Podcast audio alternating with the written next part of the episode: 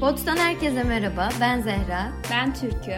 Bugün beyin göçü ve diasporalar hakkında konuşacağız ve yanımızda da alanında oldukça başarılı Moskova'daki Higher School of Economics'ten bir siyaset bilimci Ümit Nazmi Hazır var. Hoş geldin programımıza. Merhabalar, hoş bulduk Zehra, hoş bulduk Türkü. Seni biraz tanımayı çok isteriz. Biraz kendinden bahsetmek ister misin? Tabii memnuniyetle. Ee, şu anda Moscow Higher School of Economics'te siyaset bilimi alanında hem araştırmacıyım hem de doktora yapmaktayım. Daha öncesinde Ege Üniversitesi ve Hacettepe Üniversitesi'nde uluslararası ilişkiler alanında lisans ve yüksek lisans derecesi kazandım. Ee, ve aynı zamanda bir yılda Polonya'da kamu yönetimi okulunda okumuştum. Sonraki süreçte hem tekrar Polonya'ya geri döndüm ve uluslararası bir şirkette çalıştım. Bir süre Prag'da yaşadım. Araştırmacı olarak Prag Uluslararası İlişkiler Enstitüsü'nde. Ee, sonrasında bir buçuk yılda Rus Devlet Beşeri Bilimler Üniversitesi'nde okumuştum. En sonunda tekrar şu an yolum tekrar Moskova'ya düştü ve e, uzun bir süre Moskova'da artık hayatıma ve çalışmalarıma devam edeceğim. Onun dışında genel olarak çalıştığım konu konular kimlik. Daha çok kimlik konusu üzerinde çalışıyorum. Ve diaspora, kimlik, göç konuları. Bunun dışında birçok ülkede,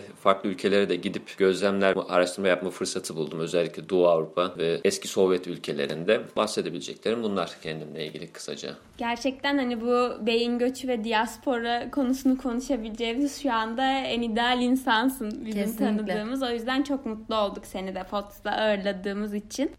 Pots iki yakın arkadaşın sürdürülebilirlikten kültürlere, müzikten kadın haklarına kadar pek çok farklı konuyu tartıştıkları bir podcast. İlk sezonumuza farklı ülkelerde olduğumuz için deniz aşırı telefon konuşmalarımızı paylaşarak başlamıştık. Şimdi ise tekrar bir aradayız. Her pazartesi farklı bir konuyla Spotify ve iTunes'dayız.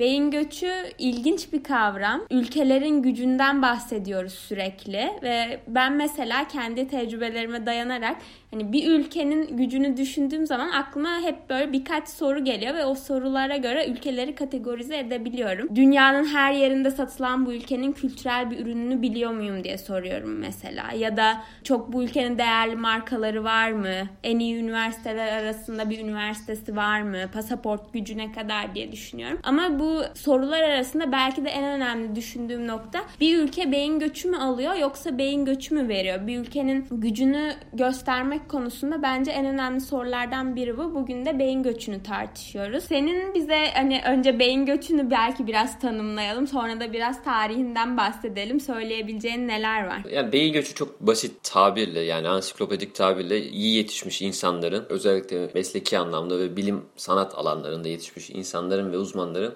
başka bir ülkeye taşınması ve hayatlarını orada devam ettirip bu bulundukları, yeni taşındıkları ülkenin kültürel, bilimsel ve sosyal hayatına katkı sağlamaya başlamaları olarak tabir edebiliriz. Aslında bugün beyin göçü alan ülkelere en iyi örnek bence Amerika Birleşik Devletleri. Çünkü Amerika Birleşik Devletleri'nin politikasına baktığımız zaman işte bu burs programları olsun çeşitli yollarla dünyadaki akil insanları kendi ülkesinde toplayabiliyor ve bugün Amerika'nın bilimde bu kadar gelişmesindeki nedenlerden bir tanesi de diğer ülkelerdeki akil insanları ve uzman insanları kendi bünyesinde barındırmasından kaynaklanmakta. Bugün Amerika'daki bilim insanlarının %40'ına yakını başka ülkelerden göç etmiş insanlar. Mesela en yakın örnek bizim bildiğimiz Aziz Sancar Türk bir bilim adamı olmasına rağmen Amerika'da çalışmalarına devam ediyor. Tabii bu insanlar neden Amerika'ya gidiyor? Çünkü daha iyi olanaklar, daha iyi koşullara e, sahip olmasından dolayı bu ülkeyi ve Batı ülkelerini özellikle seçiyorlar. Tabii başka Batı dışında şu an dünyada gelişen ülkeler var. Asya ülkeleri ülkeleri var. Özellikle Çin gibi. Dünyanın en büyük ikinci ekonomisi. Güney Kore gibi. Fakat gene de buna rağmen hala benim gözlemlediğim kadarıyla insanların yöneldiği ülkeler gene de Avrupa ve Batı ülkeleri. İngiltere,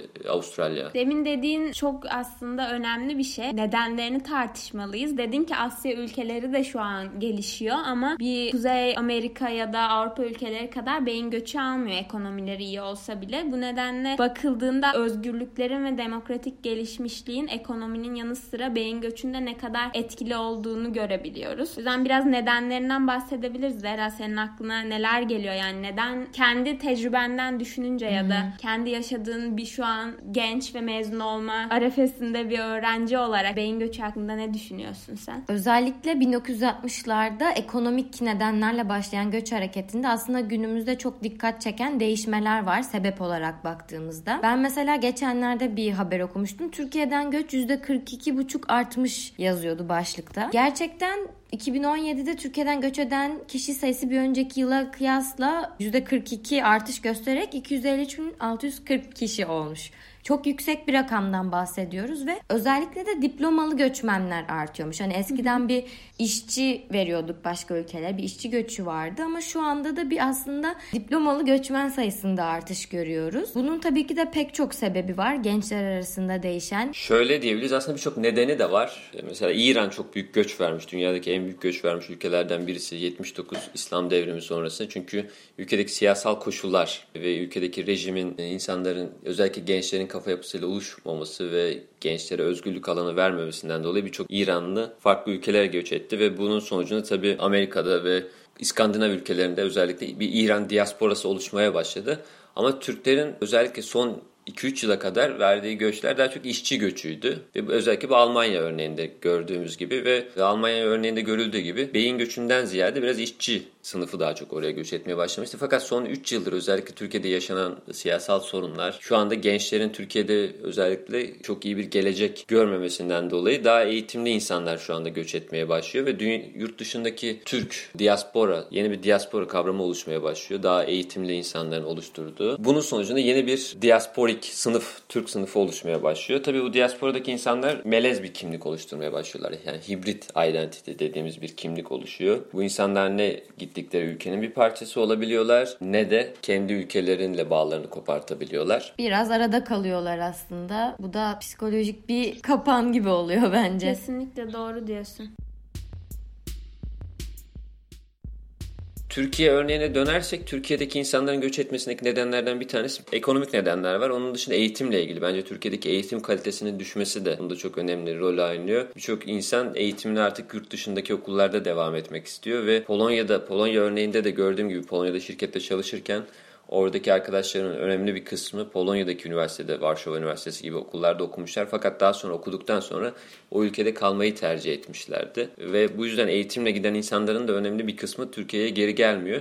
Türkiye ile Çin arasındaki fark bu. Mesela Çin bildiğim kadarıyla şu an dünyaya en çok öğrenci gönderen ülke. Kendi üniversitemde de Çinli birçok öğrenci var. Fakat Çinli öğrenciler okuduktan sonra özellikle master ve doktora eğitimi aldıktan sonra tekrar ülkelerine dönmeye başlıyorlar. Ülkelerine dönme yolunu seçiyorlar. Bu da tabii Çin için çok büyük bir avantaj. Çünkü bu giden öğrenciler, başka ülkelere giden öğrenciler oranın bilimini alıp oradaki farklı ülkelerdeki ekolleri, ekollerle tanışıp bunu kendi ülkelerine aktarabilme şansı buluyorlar. Fakat Türkiye örneğinde Türkiye'deki MEP burslusu olarak gidenleri kastetmiyorum bireysel olarak yurt dışına gidip okumak için gidenler önemli bir kısmı geri Türkiye'ye dönmüyor. Tabii bu Türkiye açısından çok dezavantajlı bir durum. Ben demin Zehra'ya dedim biz ikimiz böyle yeni mezun olacak insanlarız, gençleriz ve hani düşünüyorum bize Türkiye neler vaat ediyor diye düşündüğüm zaman hani yeni mezun olacaksın ama üniversite mezunlarının iş bulabilmesi gerçekten çok zor Türkiye'de ama ben bunu kendim açımdan bir neden bile saymıyorum. Benim kendi deneyimimde yaşadığım en büyük hani yurt dışında yaşamayı tercih edersem olacak şey insanların özgür yaşayabildiği üç büyük şehir dışında hem ekonominin gerçekten sağlam bir şekilde işlediği, iş olanaklarının olduğu hem de rahatça yaşayabileceğin şehirler Türkiye'de yok. Bu şehirlerde de hani İstanbul çok büyük bir şehir ama İstanbul'un da belli başlı ilçeleri dışında senin kendini rahat hissedebileceğin bir ilçe de yok. Yani genel olarak ülkede özgürlükler adına büyük baskılar var. Kadınlar sosyal hayatta yok. Sürekli herkes birbirine asabi davranıyormuş gibi geliyor bana. Sürekli kendimi baskı içinde hissediyorum açıkçası Türkiye'ye geldiğimden beri biliyorsunuz ben geçen dönem İngiltere'deydim. O yüzden oradaki sosyal düzenle burayı karşılaştırabiliyorum. Bunun haricinde gençler için biraz da böyle yeni mezunlar için İstanbul bütün işlerin toplandığı bir yer. Yani İstanbul'da iş bulma olasılığın daha fazla. Ama İstanbul'da şu an yaşam standartıma baktığımda beni mutlu etmiyor İstanbul'da yaşamak. Toplu taşımayı kullanıyorum çok zor. Evler ev kiralamaya çalışıyorum çok zor. Yani İstanbul'da yaşamak da bence biraz artık çileye dönüyor ve sen de hani genç bir yaşında ben neden hani bu hengamenin içinde debeleneyim diyebiliyorsun. O yüzden hani gençlerin ardındaki motivasyonları görebiliyorum. Bence en büyük etken burada özgürlüklerin Türkiye'de çok azalması. Hani ekonomik neden de belki aşılabilir ama insanların genel motivasyonu bence daha demokratik bir ülkede yaşamak. Tabii şimdi Türkiye'nin bulunduğu durum itibariyle biraz daha insanlar daha kendilerini özellikle genç nesil kendilerini rahat hissetmiyor. Yani bunu birçok konuştuğum arkadaşım da böyle. Yani yurt dışında yaşamak özellikle Batı ülkelerinde biraz daha kendini daha iyi ifade edebildiğim bir ortam var ve özellikle tabii bunun olumlu olumsuz yanları da var. Fakat şu an olumlu yanlarından baz alırsak yani yurt dışına gittim ve yurt dışında yaşamanın benim açımdan özellikle ben Erasmus programına gitmiştim üniversitede okurken ve Erasmus programıyla ilk defa yurt dışıyla tanışma fırsatı bulmuştu yurt dışındaki insanlarla, yurt dışındaki kültürlerle. Tabi o programda bir yıl Erasmus'tan sonra Türkiye'ye döndüğümde biraz e, adaptasyon sorunu yaşamıştım. Hatta post Erasmus sendromu diye adlandırılır bu ve birçok insan da bunu yaşar. Çünkü yurt dışında yaşadıktan sonra kendi ülkenize döndüğünüzde kendi ülkenizdeki bir takım değerlerle sizin değerleriniz arasında farkların açıldığını görüyorsunuz. Ama bunda şöyle bir durum daha var. Aslında uzunca bir zaman yurt dışında yaşamak gibi bir niyetim yoktu. Hep Türkiye'de bir şeyler yapmak istiyordum. Şu an hala daha tam anlamıyla karar verebilmiş değilim sonrasında Türkiye'ye dönüp dönmeme konusunda. Fakat Türkiye'deki şartların daha da kötüye gitmesi, eğitim olsun, sosyal, kültürel şartların ve Türkiye'nin biraz da İslamcı bir kimliğinin olması ve bu İslamcılığın biraz dayatma yoluna başvurulması insanların, gençlerin özellikle özgürlüğü tatmış olan gençler için kendilerini biraz daha kısıtlayıcı hissetmesine neden oluyor.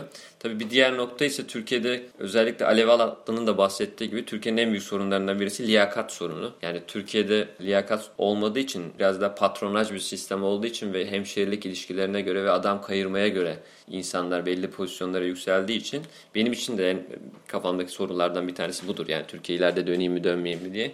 Böyle bir sistem oluşmaya başladığı için ne yazık ki Türkiye'de insanlar bu sefer Türkiye'ye döndüğüm zaman acaba benim yerimi hak etmeyen insanlar başka mevkilere gelebilecek mi? Torpil olayı var. Bununla uğraşması gerekiyor. Fakat batıda ise insanlar daha çok hak ettiği ne kadar çalışıyorsanız ne kadar emek harcıyorsanız o kadar karşılığını alıyorsunuz. Maalesef bizim ülkemizde böyle değil. Bu da bir çok önemli bir etken. Ben kendi tecrübemden biraz bahsedeyim. Ben de bir dönem Kanada'daydım. Exchange programıyla gitmiştim. Bence bir ülkenin gündeminde konuşulan konular çok önemli. Gerçekten sürekli gazeteler olsun gerek, televizyon olsun bütün medya kanallarından belli başlı şeylere maruz kalıyoruz. Belli başlı haberleri okuyoruz, görüyoruz. Ya her ülkede Tabii ki de sorunlar olacak. Sorunsuz bir ülke düşünülemez. Ama mesela sen az önce kadın haklarından bahsettin. O ülkelerde konuşulan konu eşit iş için kadınlara eşit maaş verilmesi gibi daha spesifik konulardayken biz bugün buraya bakıyoruz. Buradaki haberlere bakıyoruz. Hala kadın cinayetlerini görüyoruz. Tecavüzleri görüyoruz. Sanki hani o aşamalara gelmemiz için, o eşitliğe ulaşabilmemiz için önümüzde daha uzun bir yol varmış evet. gibi hissediyorum. Daha çok bilinçlenmesi gerekiyor insanların gibi düşünüyorum. Tabii kendimde dahil buna. Hı-hı. Hepimizin bilinçlenmesi Kesinlikle. lazım. Evet Türkiye gerçekten çok sanal bir gündemde yaşıyor. Bunu hani yurt dışından takip ettiğiniz zaman Türkiye'nin hatta bazen farklı bir dünyada yaşadığını düşünüyorum. Dünyadan çok daha kopuk bir gündemi var ve sürekli soyut konular, e, sürekli kısır döngü içerisinde günlük tartışmalarla sürekli enerjisini harcayan bir ülke ve bunun sonucunda bir ilerleme de kaydedemiyor ve insanlar da bu şeyin içine o kadar alışmış ki bu izole bir şekilde yaşamaya, dünyadan kopuk bir şekilde bu gündem içerisinde sürekli bu kısır döngülerde kayboluyorlar ve bu da tabii insanın böyle böyle bir ortamdan çıkmak istiyorsunuz. Sürekli belli siyasi tartışmalarını duymaktan da sıkılıyorsunuz. Çünkü bu sizin kültürel anlamda gelişiminize de çok katkı sağlamıyor. Fakat yurt dışında yaşadığınız zaman biraz daha dünyayla bağlantınız olduğu için dünyadaki gelişmeleri daha çok, dünyada ne olduğu ile ilgili daha çok haberiniz oluyor ve yurt dışında yaşamanın kültürel katkısı biraz benim açımdan hissettiğim Türkiye'ye nazaran yurt dışında yaşamak biraz daha benim kültürüme ve bakış açıma daha fazla şey kattığını hissediyorum. Örneğin burada üniversitede zaman zaman araştırma yapmak için kütüphaneye gidiyorum. Çok basit bir örnek vermek gerekirse kütüphanedeki çalışan görevli memur kadın onunla sohbet ediyoruz. Bazen bana kitap listelerinde tavsiye ediyor. İşte önerebileceğim filmleri bahsediyor. İşte Rus sanatçılar üzerine konuşuyoruz. Bu çok basit bir örnek. Yani Moskova'daki, Rusya'daki o kültürel altyapısı çok güçlü bir ülke olduğu için sıradan normal kütüphanede çalışan memur bir kadınla bile gidip normal sanatsal veya Rus sineması, Sovyet sineması ile ilgili sohbet edebiliyorsunuz. Ve bu sizin günlük yaşamınızda böyle birçok kültürel gelişimize katkı sağlayan böyle birçok mikro örnek var. Fakat Türkiye'de ise maalesef kültürel altyapımız çok gelişmiş bir ülke olmadığımız için insanlar daha çok kısır tartışmalar, dedikodular, ve Türkiye'de insanlar birbirleriyle çok meşguller, birbirleriyle çok ilgileniyorlar, birbirlerinin ne yaptığıyla ilgili paranoyak bir şekilde birbirlerini çok tartışıyorlar, konuşuyorlar. Ve bu sizin tabii o ülkede yaşarken bu ülkenin, kendi ülkenizin kültürel anlamda size bir şey katmadığını hissediyorsunuz. O yüzden bu kütüphanedeki memur örneğini bu yüzden vermek istedim. Sadece basit bir örnekti. Ama burada farklı yurt dışında yaşarken farklı ülkeden insanlarla da vakit geçirdiğiniz için her ülkeden insandan arkadaşınız oluyor ve bu size diğer ülkelerle ilgili de bilgi sağlamanız ve kültürel bakış açınızın gelişmesine olanak sağlıyor. Evet, çok doğru söyledin. Demin de liyakat mevzusundan bahsetmiştin hatta. Ben Türkiye'deki deneyimden şunu görüyorum. Türkiye'de okumuş insana saygı ya da eğitimli insanların itibarı son yıllarda çok büyük zarar gördü. Şu an eğitimsizlik biraz da hani böyle pohpohlanan ve revaçta bir şey olmuş gibi hissediyorum. Şunu okudum, şu doktorayı yapıyorum, bunu yaptım dediğin normal bir insanla konuştuğun zaman bu sözcüklerin o insanda hiçbir karşılığı yok ve hiçbir değeri de yok artık. Zaten sürekli görüyoruz haberlerde hukukçulara saldırıyorlar, doktorlara saldırıyorlar, öğretmenlere saldırıyorlar. Artık bu ben küçükken çok büyük gördüğüm mesleklerin şu anda görüyorum ki halk nezdinde hiçbir saygısı kalmadı aslında.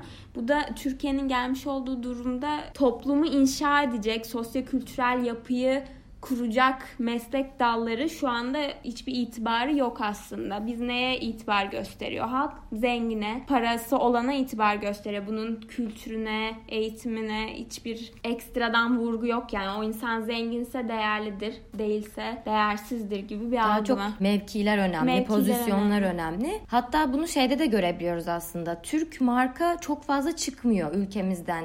Yani bir yenilik çıkmıyor. Genellikle burada mesela ben arkadaşlarıma bakıyorum mezun olacak. Bir kurumsal şirkette çalışıp hani zaten olan bir değeri yabancı bir global bir şirketi büyütmeye çalışıyorlar açıkçası. Yani girişimlere ülkemize yeteri kadar bir yatırım yapıldığını düşünmüyorum. Çok destek bulduğunu düşünmüyorum. Hatta siz de denk geliyorsunuzdur. Çoğu zaman ben şöyle haberler okuyorum. Ülkemizde seçilmedi, Harvard Üniversitesi'nden kabul aldı Evet. tarzı çeşitli projeler, fikirler destek bulamıyor maalesef. O yüzden özellikle bilim alanında daha çok teşvik verilmesi gerekiyor böyle fikirlere. Çünkü aslında o beyin, o potansiyel ülkemizde var. Bunu biliyoruz. Var ama o onu görebilecek, o değeri ortaya çıkarabilecek liyakatle mevkilerine gelmiş eğitimciler yok belki ya da o projeleri seçen insanlar yok. Çünkü belki torpille geldiler, belki kayırılarak geldiler o pozisyonlarına. Tabii ki de yani beyin göçü olur o zaman. Proje sunuyorsun, TÜBİTAK kabul etmiyor, Harvard kabul ediyor. O genç yetenek nereye gidecek? Tabii ki de Harvard'a gidecek. Ülkesinden bir değer, bir saygı, bir itibar görmüyor zaten. Ben de aslında eklemek istiyorum dediklerinize tamamen katılıyorum. Birincisi şöyle son dediğinde özellikle eklemek gerekirse Türkiye'de liyakat sistemi çok tahrip edildiği için ve hak etmeyen insanlar geldiği için bir takım mevkilere atıyorum o iyi bir proje sunduğunuzda o kişiye o kişi muhakkak muhtemelen şöyle düşünmeye başlıyor. Evet bu kişi bu projeyi sundu. Bu kişi benden daha kalifiyeli. Eğer bu kişi benim yerimi kaparsa veya bu proje kabul edilirse bu kişi ileride benim yerimi kapabilir. E, Bundan dolayı ben bunu baltalayayım. Bundan dolayı da yurt dışından gelmiş e, insanların bir kısmında hani eğitim ve görgülerini geliştirip Türkiye'ye gelip bir şeyler yapmak isteyen insanların bir kısmında çok büyük bir hayal kırıklığı yaşama süreci yaşıyorlar Türkiye'de. Çünkü Türkiye'de yapmaya çalıştıkları çok fazlasıyla baltalanıyor veya rakip olarak algılanıyorlar. Çünkü e, yönettiğim insanlar benim altımda olsun psikolojisi. Fakat hak ederek gelen insanlar insan yetiştirmeye odaklı bakarlar. Katıldığım diğer bir nokta ise Türkiye'de maalesef son yıllarda böyle gitgide cahillik daha da fazla yüceltiliyor. Ve sizin bilginize çok saygı duymuyorlar. Örneğin yakın bir örnek vermek gerekirse ben en son iki ay önce Türkiye'yi ziyaret etmiştim ve Türkiye'yi ziyaret ettiğimde saç tıraşı için bir berbere gitmiştim. Berberle sohbet ederken işte ne yaptığımdan falan bahsetti. Rusya çalıştığımdan, Rusya üzerine araştırmalar yaptığımdan bahsettim. O süre zarfında şey sohbeti geçti. İşte Rusya ile Türkiye'nin ordularını karşılaştırırsak Türk ordusu daha güçlü, Türkiye daha güçlü devlet falan dedi Rusya'dan. Ben de dedim yok yani karşılaştırırsak hatta istatistik bilgiler verdim, rakamlar verdim. Rusya'nın donanması, Türk donanması vesaire. Bunları söylememe rağmen yok yok sen doğru bilmiyorsun. Türkiye Rusya'dan daha güçlü askeri anlamda gibi bunu iddia etti. Maalesef Türkiye'de biraz e, son yıllarda böyle bir olgunlaşan cahil cesareti var. Bundan dolayı da eğitimli ve belli konular üzerine araştırma yapmış insanlara maalesef yeterince saygı duymama kültürü oluşmuş bu vaziyette ve bizim ülkemizde maalesef uzmanlaşma diye bir kavram yok. Yani yurt dışındaki batıda özellikle batıda herkes belli bir konunun tam uzmanı. Ama Türkiye'de herkes her konuyu kendine konuşabilme yetisini buluyor ilginç bir şekilde. Herkes her konuda konuşabiliyor. Bundan dolayı da uzmanlaşma ve uzman insanlara çok yer kalmıyor. Bu da diğer bir nokta. Bu arada tabii beyin göçünün nedenleri ülkeden ülkeye de değişmekte. Şu an yani yaşadığım ülke olarak Rusya'yı ele alırsak Rusya'da da geçenlerde bir haber verdi. Gençlerin %50'sine yakını farklı ülkelere göç etmek istiyorlar. Şey Batı ülkelerine taşınmak istiyorlarmış. Dün Rus bir arkadaşımla sohbet ederken o da bana şey demişti. İleride İtalya ve İspanya'ya taşınmak istiyorum demişti. Neden demiştim? Havası daha iyi olduğu için ve Rusya'da biraz daha pesimist bir ortam olduğu için İtalya gibi ülkeler, Akdeniz ülkeleri bana daha rahat ve cazip geliyor demişti. Birçok arkadaşım özellikle 20'li yaş civarında ileride böyle daha İtalya, İspanya gibi güney ülkelerine, Akdeniz ülkelerine gitmek istiyorlar. Burada tabii beyin göçü nedenle biraz da insanın kişisel algısıyla, kişisel özellikleri ve tercihleriyle de ilgili bir durum. Evet şimdi güzel güzel saydık bir sürü neden listeledik. Ama tabii ki de bir de bu işin oraya gittikten sonra başlayan bir yüzü de var. Bir taraftan gittiği için çok memnun olanlar var. Pişman olmadığını söyleyen, herkese tavsiye verenler var. Ama bir taraftan da ben aslen hani ülkemde çalışmak isterdim. Şu anki durum benim tercihim değildi diyen üzücü bir tarafı da var bu senaryonun. Yani ülkende çalışmak istiyorsun, arkadaşlarınla, ailenle birlikte olmak istiyorsun ama çeşitli dış faktörler yüzünden bir zorunluluk hissediyorsun. Hatta ben Kanada'dayken bir Türk ile sohbet etmiştim. Adam böyle anlattı anlattı hayatını ama sonunda da her şey iyi ama ömürde geçiyor demişti. Yani evet. böyle biraz bir burukluk vardı. Ben onu hissettim gerçekten. Zor bir durum, çok kolay değil. Peki bu insanlar arkalarında neleri bırakıyor? Gittikleri yerlerde nelerle karşılaşıyorlar? Biraz da bunları tartışalım isterseniz. İnsanlar çok farklı beklentilerle göç ediyorlar. Hatta Pushkin'in bir sevdiğim, çok sevdiğim bir şiiri var. Atol Behramoğlu çevirmişti bunu Rusçadan Türkçe'ye. Bilinmeyen Ülke diye bir şiiri var. İşte diyor ki Pushkin, ey güzel ülke, uzak ülke, ey bilmediğim ülke. Ne kendi isteğimle geldim sana ne de soylu bir atın sırtında. Beni bu yiğit delikanlıyı gençliğin ateşi sürükledi sana. Bir de başımdaki şarap dumanları hmm. diye. Birçok insan bu şekilde özellikle genç insanların yurt dışına göç etme özlemi ve arzusunu bence çok güzel anlatan bir şiir. Pushkin'in şiiri.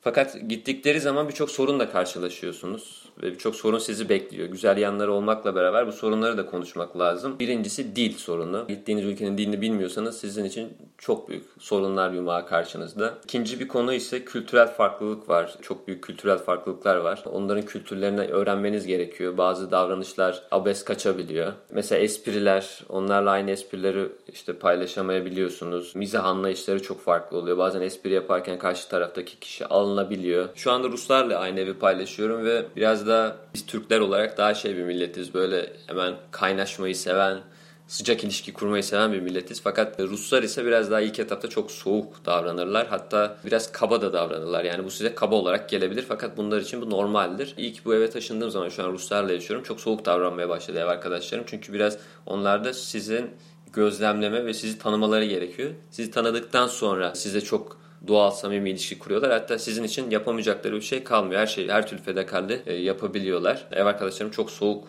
davranmışlardı. Böyle biraz çekimser, en şüpheli davranmışlardı. Tabii bu onların kültürleriyle ilgili bir durum olduğu için ben de anlayış gösterdim. Mesela Rusya'daki örnekten hareket edersek Rusya'da gülmek çok şey bir durum. Abes bir durum. Eğer hani biz biraz daha Doğu, Orta Doğu, Akdeniz toplumlarından kültürleriyle biraz harmanlaşmış bir millet olarak yani gülmek biraz daha bizim için daha şey bir durumdur. Hani kibarlık göstergesidir ama burada bir ortama girdiğinizde, bir restorana gittiğinizde veya insanlara kibarlık olarak güldüğünüzde bile size gülmüyorlar. Çünkü Rus kültüründe nedensiz yere gülmek ahmaklıktır gibi bir şey var. Aa, çok ee, ilginç. Bir kültürel çok bakış ilginç. açısı var. Yani eğer gülüyorsanız diyorlar. Çünkü bunu arkadaşlarımla da konuştum. Eğer gülüyorsan bir nedeni olması gerekiyor diyor. Eğer sebepsiz yere gülüyorsan diyor bu yapay kaçıyor. Doğal bulunmuyor Ruslar açısından. O yüzden biz güldüğümüz zaman gerçekten o, o duyguyu hissettiğimiz için gülüyoruz diyor.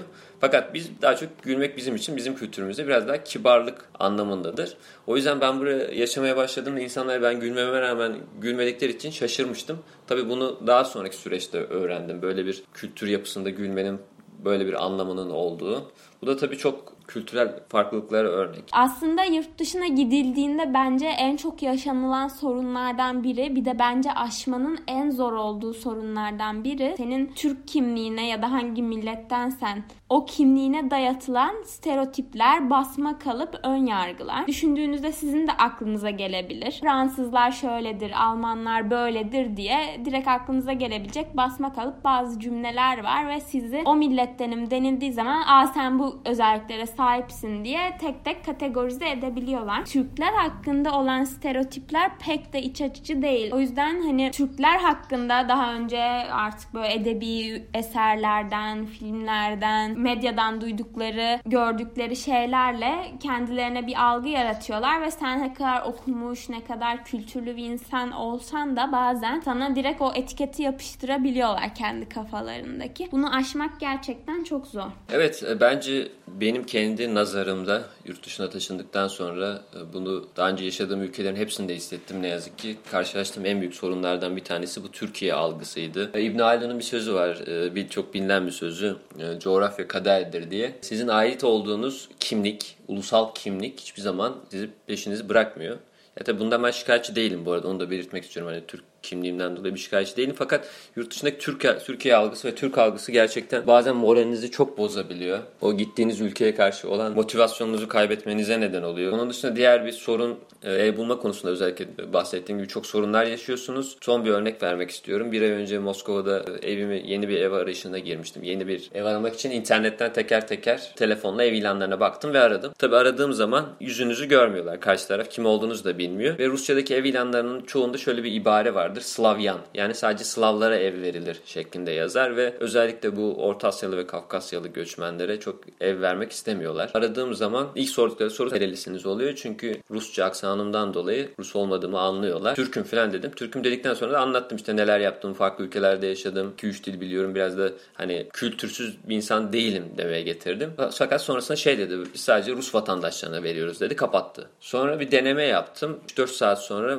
bu sefer başka bir arkadaşımın numarasından aradım. Tekrar aradım. Biraz da e, Rusçamı daha kötü konuştum ikinci aradığımda. Böyle biraz daha sanki Rusçam kötüymüş gibi. İlk önce açtı karşı taraftaki aynı kişi telefonu. İşte İngilizce olarak konuştum. Sonra şey dedim Rusça işte eğer İngilizce bilmiyorsanız Rusça konuşalım falan dedi. Tamam dedi İngilizce bilmiyorum dedi. Daha kötü bir Rusça ile konuşmaya başladım. Sonra dedim nerelisiniz dedi. Tabii ilk et hemen sorduğu soru buydu. İşte Amerikalıyım dedim. Adım James dedim. İşte çalışmıyorum. Sadece burada üniversite okumaya geldim dedim. Tamam dedi evi gösterelim dedi. Evini kiraya verecek kişinin karşısında iki profil var. Birisi eğitimli bir Türk. Normal maddi durumu da normal bir sıkıntısı olmayan bir Türk. Diğeri profil ise Amerikalı bir öğrenci. Fakat o kişi buna rağmen Amerikalı öğrenciyi seçiyor. Yani evini verme konusunda. Bu da üzücü bir durum. Bazen şu cümleye çok gıcık oluyorum. Birisiyle tanıştığın zaman konuşma sırasında nerelisin muhabbetine geldiği zaman Türk'üm diyorum.